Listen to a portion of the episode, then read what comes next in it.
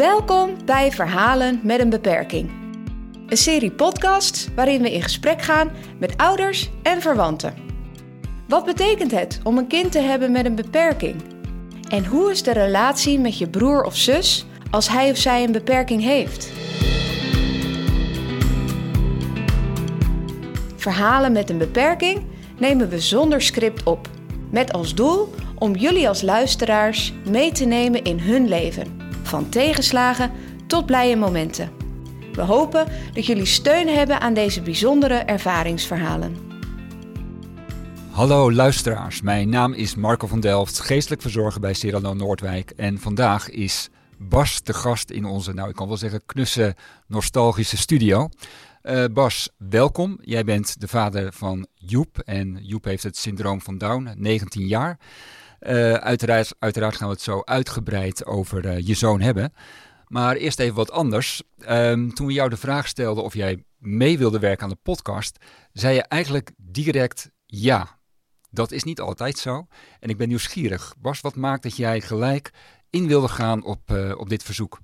Um, ja, nou dat ik in wilde gaan op dit verzoek is de reden dat andere mensen zich wellicht geholpen kunnen voelen door mijn verhaal, ons verhaal. Um, en dat gun ik mensen. Ik heb eigenlijk vanaf dat Joep geboren is um, gedacht dat het zou mooi zijn als ik ooit op een of andere manier mensen kan helpen om ja, te begrijpen wat het inhoudt. Dat ze misschien zelf steun aan kunnen ervaren. En vandaag is zo'n dag. Uh, dus voor mij is het heel mooi dat ik hier zit. Leuk, leuk. Ja, tegelijk nieuwsgierig. Wie is Joep eigenlijk? Kun je wat over Joep vertellen? Wie hij is, wat hij betekent in je leven? Oei, dat is een hele grote vraag. Want uh, Joep, Joep is vanaf dat hij geboren is, um, uh, zie ik hem als een cadeau. hij is voor mij een, een openbaring Um, van wat het leven kan, kan doen met je als, als mens. En dat bedoel ik vooral het stuk dat hij heel puur is in, in, zijn, um, in al zijn emotie, in zijn hele zijn. Het is een hele pure jongen. Um, dus ja, hij betekent heel veel, want ik leer eigenlijk uh, altijd van hem. Hoe hij dingen benadert is anders dan hoe ik soms de dingen te veel overdenk. En, en hij kan vanuit zijn puurheid heel mooi reageren op, op, op situaties, op mooie dingen, op verdrietige dingen. Uh, op, op dingen waar je je over verontwaardigt. Hè? Uh, dus dat vind ik heel, heel mooi. En dat, dat tekent Joep ook als, uh, als mens. Um, dat heeft hij altijd gehad. als klein kind zat hij, gingen we naar het bos bijvoorbeeld.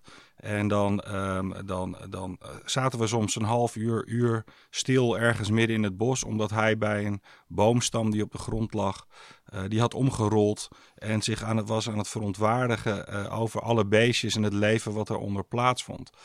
Um, dus hij heeft me geleerd om ook echt wel in het moment te kunnen staan. Hè? Dus um, dat is heel, heel mooi en dat is ook wie hij is. Ja, ja dus, dus versta ik je goed, Bas, als ik zeg van hey, op een bepaalde manier heeft Joep ook jouw ogen geopend voor nou, dingen waar je misschien anders snel aan voorbij zou leven? Zeker, ja. ja een beetje de mindful gedachte, hè? Ja, de mindfulness gedachte, het, het in het moment kunnen staan. Het, ja.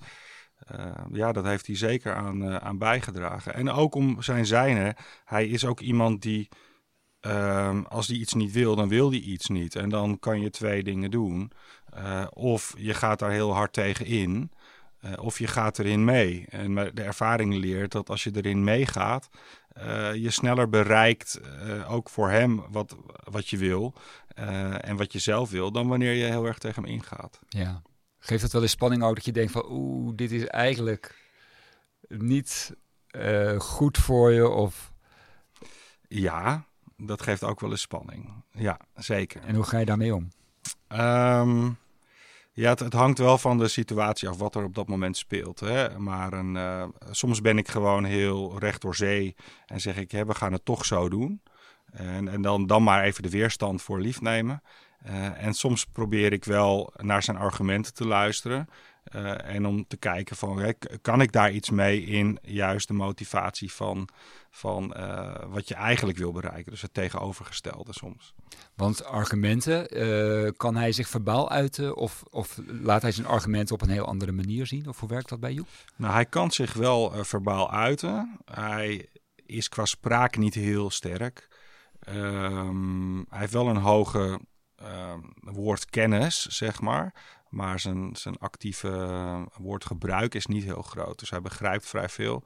Maar hij is wat moeilijk te verstaan ook. Dus ehm, ja, dat, dat, dat maakt het wel eens moeilijk in de communicatie dat we hem niet altijd meteen begrijpen. Ehm, maar hij is wel iemand die het in eerste instantie verbaal probeert duidelijk te maken. Hmm. Als we even helemaal teruggaan naar het begin, Bas, want we zitten nu al helemaal midden in het leven van Joep. Uh, prachtig. Uh, dus daar komen we straks nog wel op terug. Maar als we nou eens teruggaan helemaal naar het allereerste begin. Kun jij het moment nog herinneren dat, uh, dat jou duidelijk werd dat Joep het syndroom van Down had? Dat moment dat je dat verteld werd en wat dat met je deed? Ja, dat kan ik me herinneren als de dag van gisteren. Ja. En dat is eigenlijk bij mijn andere kinderen ook zo. De geboorte is de, toch iets wat je niet vergeet. Um, Joep is 7,5 week te vroeg geboren. Uh, dat betekent dat hij eigenlijk plotseling s'nachts zich aandiende. Uh, weeën begonnen. Uh, en we hals over kop naar het ziekenhuis zijn gegaan. Um, daar is hij eigenlijk tegen de weeënremmers ingegaan. En hij is geboren. Uh, s morgens vroeg. Hij had al direct een eigen wil. Hij had direct al een eigen wil. En um, ja, kijk, toen was hij geboren en hij was eruit. En ja, hoe ziet een pasgeboren kind eruit? Hè? Hij was voor mij de eerste, dus ik had ook geen idee. Uh, zeven en halve week te vroeg, ook geen idee hoe een kind eruit ziet als je zeven en halve week te vroeg geboren bent. Hij werd bij zijn moeder neergelegd en vervolgens eigenlijk meteen in de couveuse en naar de, naar de uh, intensive care gebracht. Um, ja, en ik bleef bij zijn moeder uh, achter op dat moment. En um, uh, hij werd daar helemaal geïnstalleerd. En toen werden we later, 2,5 uur later, ontvangen uh, bij um, de intensive care. En daar werd ons eigenlijk verteld van, hè, de, de we weten eigenlijk voor 99% zeker dat hij het syndroom van Down heeft. maar we willen een bloedtest afnemen om, om dat 100% zeker te weten. Ja. Um, op dat moment zeiden we, we keken elkaar aan en we zeiden, joh, dat kan er ook, dat kan er ook nog wel bij. Mm. Het is ook goed. Het is ook prima. Dat kunnen we ook hebben. En uh, we hebben het eigenlijk nooit erg gevonden dat hij het syndroom van Down heeft. Hij is voor ons altijd heel welkom geweest en een, uh, en een cadeau. En ja, uh, grappige anekdote daarbij is, um, voordat wij ooit kinderen kregen, um, uh, heb ik met, met, mensen met een verstandelijke beperking gewerkt. Zijn moeder ook. Uh, en uh, ik heb ooit eens gezegd: als ik een kind krijg waar dan iets mee is, laat het dan een kind zijn met het syndroom van Down. Want ik had daar heel veel affiniteit mee al, al daarvoor. En op een of andere manier, dit is gehoord en het, hij is bij ons terechtgekomen. Bijna profetisch. bijna profetisch, maar hè, het, is, het is ook de humor die ik daarin zie. Want ja. het is, hij is meer dan welkom geweest altijd. En die puurheid, is dat anders dan wat je om je heen ziet in de wereld waarin je leeft? Ja, kijk, de wereld is natuurlijk sowieso wel een, een plek waar veel verschillende um, gedachten gaan over het syndroom van Down. Um, en ook over hoe we naar elkaar kijken als, als mens. Uh, uh, ik vind wel dat dat we eigenlijk steeds individualistischer worden. Steeds meer op de persoon gericht, op onszelf gericht. Uh, en hij is dat op zijn manier, op een hele kinderlijke manier ook nog. Uh, maar tegelijkertijd is hij heel sociaal. Um, en hij, doordat hij in al zijn emoties zo, zo puur is, is hij dat ook in het geven van, van liefde, in het geven van vriendschap, in het geven van, van het delen van zijn eigen spullen met een ander. Um, het, is, het is prachtig om te zien hoe die dat, uh, hoe die dat doet. Mm. Ja. En dat is zeker dus anders met, met hoe we soms mensen uh, veel meer gericht zien op zichzelf. Ja. Want hoe, hoe, kijk jij dan bijvoorbeeld... Um, we weten inmiddels dat um, nou, we, we, hebben late echo's, dus er is veel te zien op die late echo's dat kinderen met het Down-syndroom of met een andere beperking, ehm, nou, dat de zwangerschap toch voortijdig beëindigd wordt. Hoe kijk jij daar dan tegenaan, uh, Bas? Um, ik vind dat ieder zelf mag weten wat hij daarmee wil. dit wordt ons aangeboden, dus je staat altijd vrij om die keuze uh, te maken. Um, mijn vriendin en ik hebben, hebben een maand geleden een, een zoontje gekregen. Gefeliciteerd. Uh, dankjewel. Um, en wij hebben er heel bewust voor gekozen om geen aanvullende tests en dergelijke te doen. Um, omdat als het antwoord zou zijn, hij heeft het syndroom van Down, dan zouden we het alsnog niet laten weghalen. Dus voor ons was er geen reden om dan die testen ook te doen en dat te doorstaan. En uh, omdat we toch niet iets met het antwoord zouden gaan doen. Hmm. Um, ik vind het eh, persoonlijk wel, hè, de, de, de test die er is, die, die is echt vooral gericht op... heeft je kind Down-syndroom, ja of nee? En als het dat heeft, dan mag je het weg laten halen. Um, persoonlijk vind ik dat tekort doen aan mensen met het syndroom van Down. Hmm.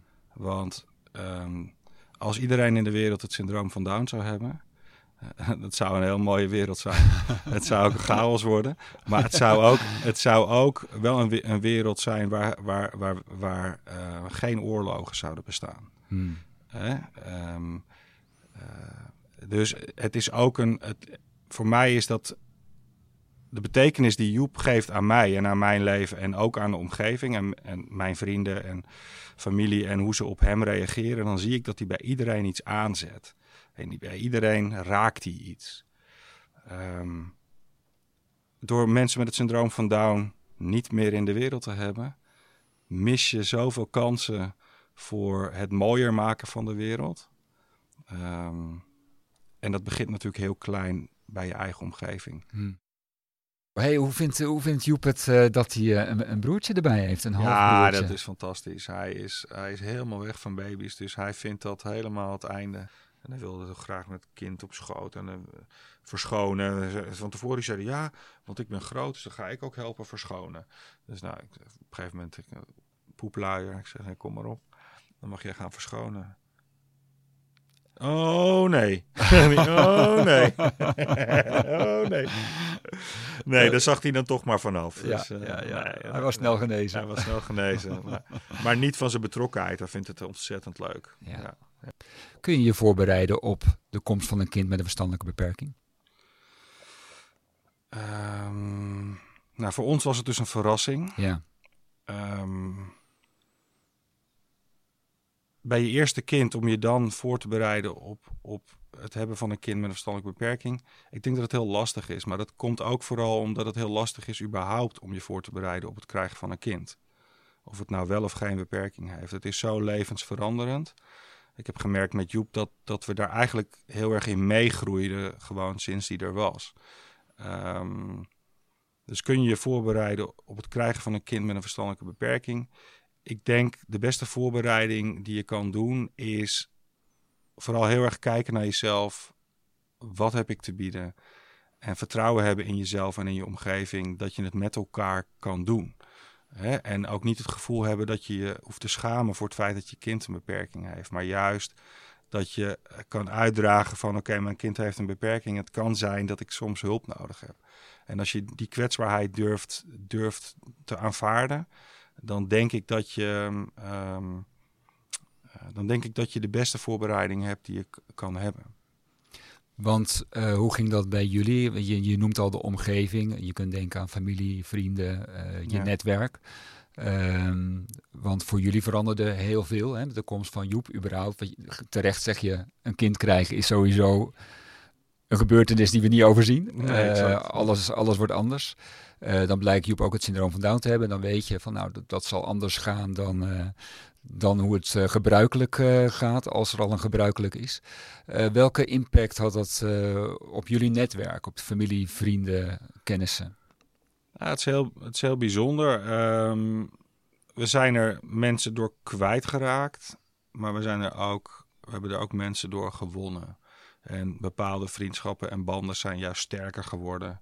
Waar anderen dachten, oeh, dit is moeilijk en oeh, dat is vast heel verdrietig. En die hebben een soort afstand genomen daarin van ons, omdat ze zich geen raad wisten met hun eigen emotie en gevoel. Ehm, maar voor het grootste deel zijn er mensen geweest die juist heel steunend zijn geweest. En die ook hebben gezegd, als we je kunnen helpen, zeg het dan. Geef maar, uh, geef maar een seintje. Um, en ik, dat is een hele begrijpelijk iets dat mensen dat zeggen. is ook heel fijn om te horen.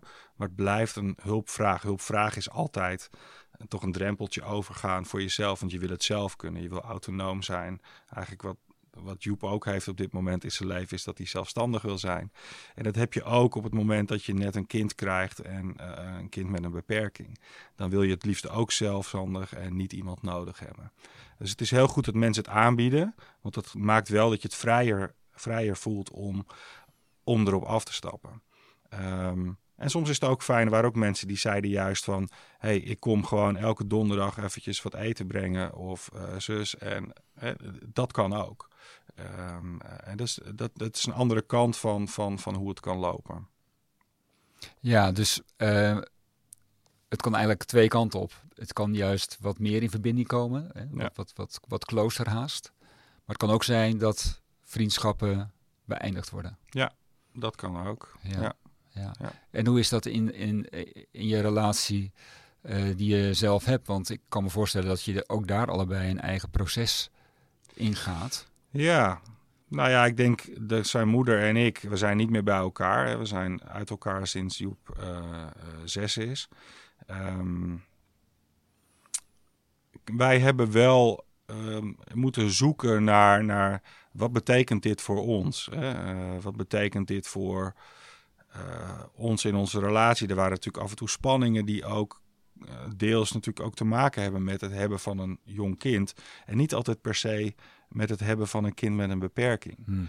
Dus ik probeer het ook altijd een beetje te normaliseren. Ja. Is dat, dat het moet niet continu over de beperking gaan. Omdat het vooral over het kind moet gaan. En dat kind, ja, dat heeft een beperking.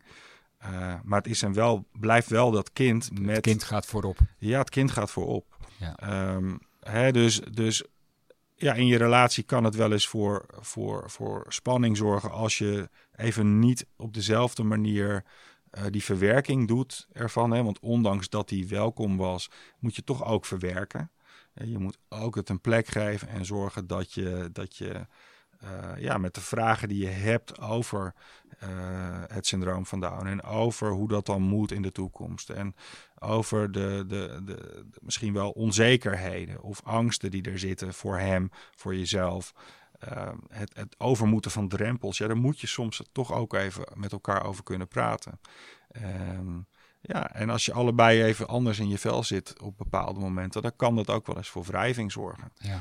Um, Hè, maar het is niet de reden geweest dat wij uit elkaar gingen. Dus hè, dat wil ik wel gezegd hebben. Want um, het belangrijkste bij het hebben van kinderen met of zonder beperking is dat je communiceert met elkaar over, um, uh, over wat het met je doet, over wat je nodig hebt, over wat je voor de ander kan betekenen en wat, wat je van de ander nodig hebt.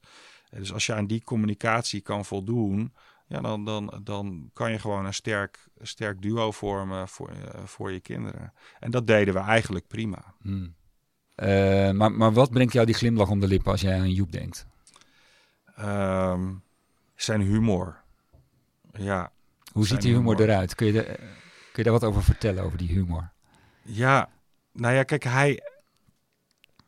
Wat ik net zei over dat char charmeren. Ja. Hij kan dan echt een soort galante heer alsof hij een soort toneelspel aan het doen is. En dan galante heer met een buiging erbij en met, met een handkus. En, uh, dan, zo, en dat is zijn manier van doen. En dat vind ik, ik geniet daar volop van. Ik moet daar ook echt heel hard om lachen. Hij heeft soms van die opmerkingen. Uh, dat je denkt, oké, maar waar haal, je, waar haal je dit woord nou weer vandaan? Ik wist niet dat je dit kende. En, maar dan zegt hij het precies in de juiste context. Terwijl uh, um, je dat niet van hem had verwacht. En dat, dat, is, dat is echt heel leuk. Want, want dan heeft hij ook het, het begrip, of is het dan eh, dat hij op de een of andere manier een soort zintuig heeft om aan te voelen van dit woord moet ik nu gebruiken omdat ja, het in die context past of zo. Ja, vooral dat laatste. Ja, ja, ja, ja. Ik denk niet dat hij het altijd helemaal begrijpt, maar wel... Eh, en toch feilloos aanvoelt als ik hem nu inzet, ja. dan past hij. Ja, kopieergedrag is natuurlijk ook wel iets wat heel erg bij hem past. Hè? Ehm, hij kan ook in de auto, als we in de auto zitten... en ik heb nog wel eens de neiging om te mopperen op andere verkeersdeelnemers. Eh, en dat doe ik ook wel eens waar hij bij is. Ehm, en dan hoor ik hem soms, eh, terwijl ik niet mopper, hoor ik hem mopperen. En dan denk ik, oh, kijk, ik hoor mezelf. Ja. En dan zegt hij ook, ja, ik ben net als jij hebt, pap. En dan denk ik, ja, oké. Ik moet misschien af en toe iets minder mopperen. Dus hij spiegelt. Hij spiegelt. Ja. Hij spiegelt. Ja, zeker. en dat is ook goed om je, om je eh, bewust van te zijn. En, Ja. Maar ook niet continu. Het is ook heel leuk om, eh, om dat terug te zien en te denken van, ah, Hmm. en daar samen om te lachen. Ja. Zijn er ook dingen waaraan je, misschien een beetje groot gezegd, maar waaraan je lijdt als je aan Joep denkt? Of waar je verdriet over hebt? Of waar je... Dus dat een beetje die andere kant van, van, van de glimlach die je hebt bij zijn Mm. charmeur, eh, dat charmeurachtige gedrag. Maar Hmm. zijn er ook dingen waaraan je lijdt of verdriet eh, beleeft? Ja, zeker. En hetgeen waar ik, waar ik vooral verdriet aan beleef of wat ik moeilijker vind is, hij heeft echt een bepaalde wens om zelfstandig te kunnen wonen. Eh, en hij heeft daar een bepaald beeld bij. Hij wil net als zijn vader of net als zijn moeder of net als iedereen eigenlijk een huisje, boompje, beestje. Eh, en dan zegt hij ja, als ik kinderen krijg, dan, eh, dan word jij opa, zegt hij. En dan- Mm. ja, en dan, dan, dan, dan, noem, ik, dan noem ik het kind ehm assenpoester. Dus eh, dat is dan weer de humor die er Ja. dan in zit. Ja. En tegelijkertijd ook zo tekenend voor hij gaat dat niet kunnen, hij gaat dat niet hebben.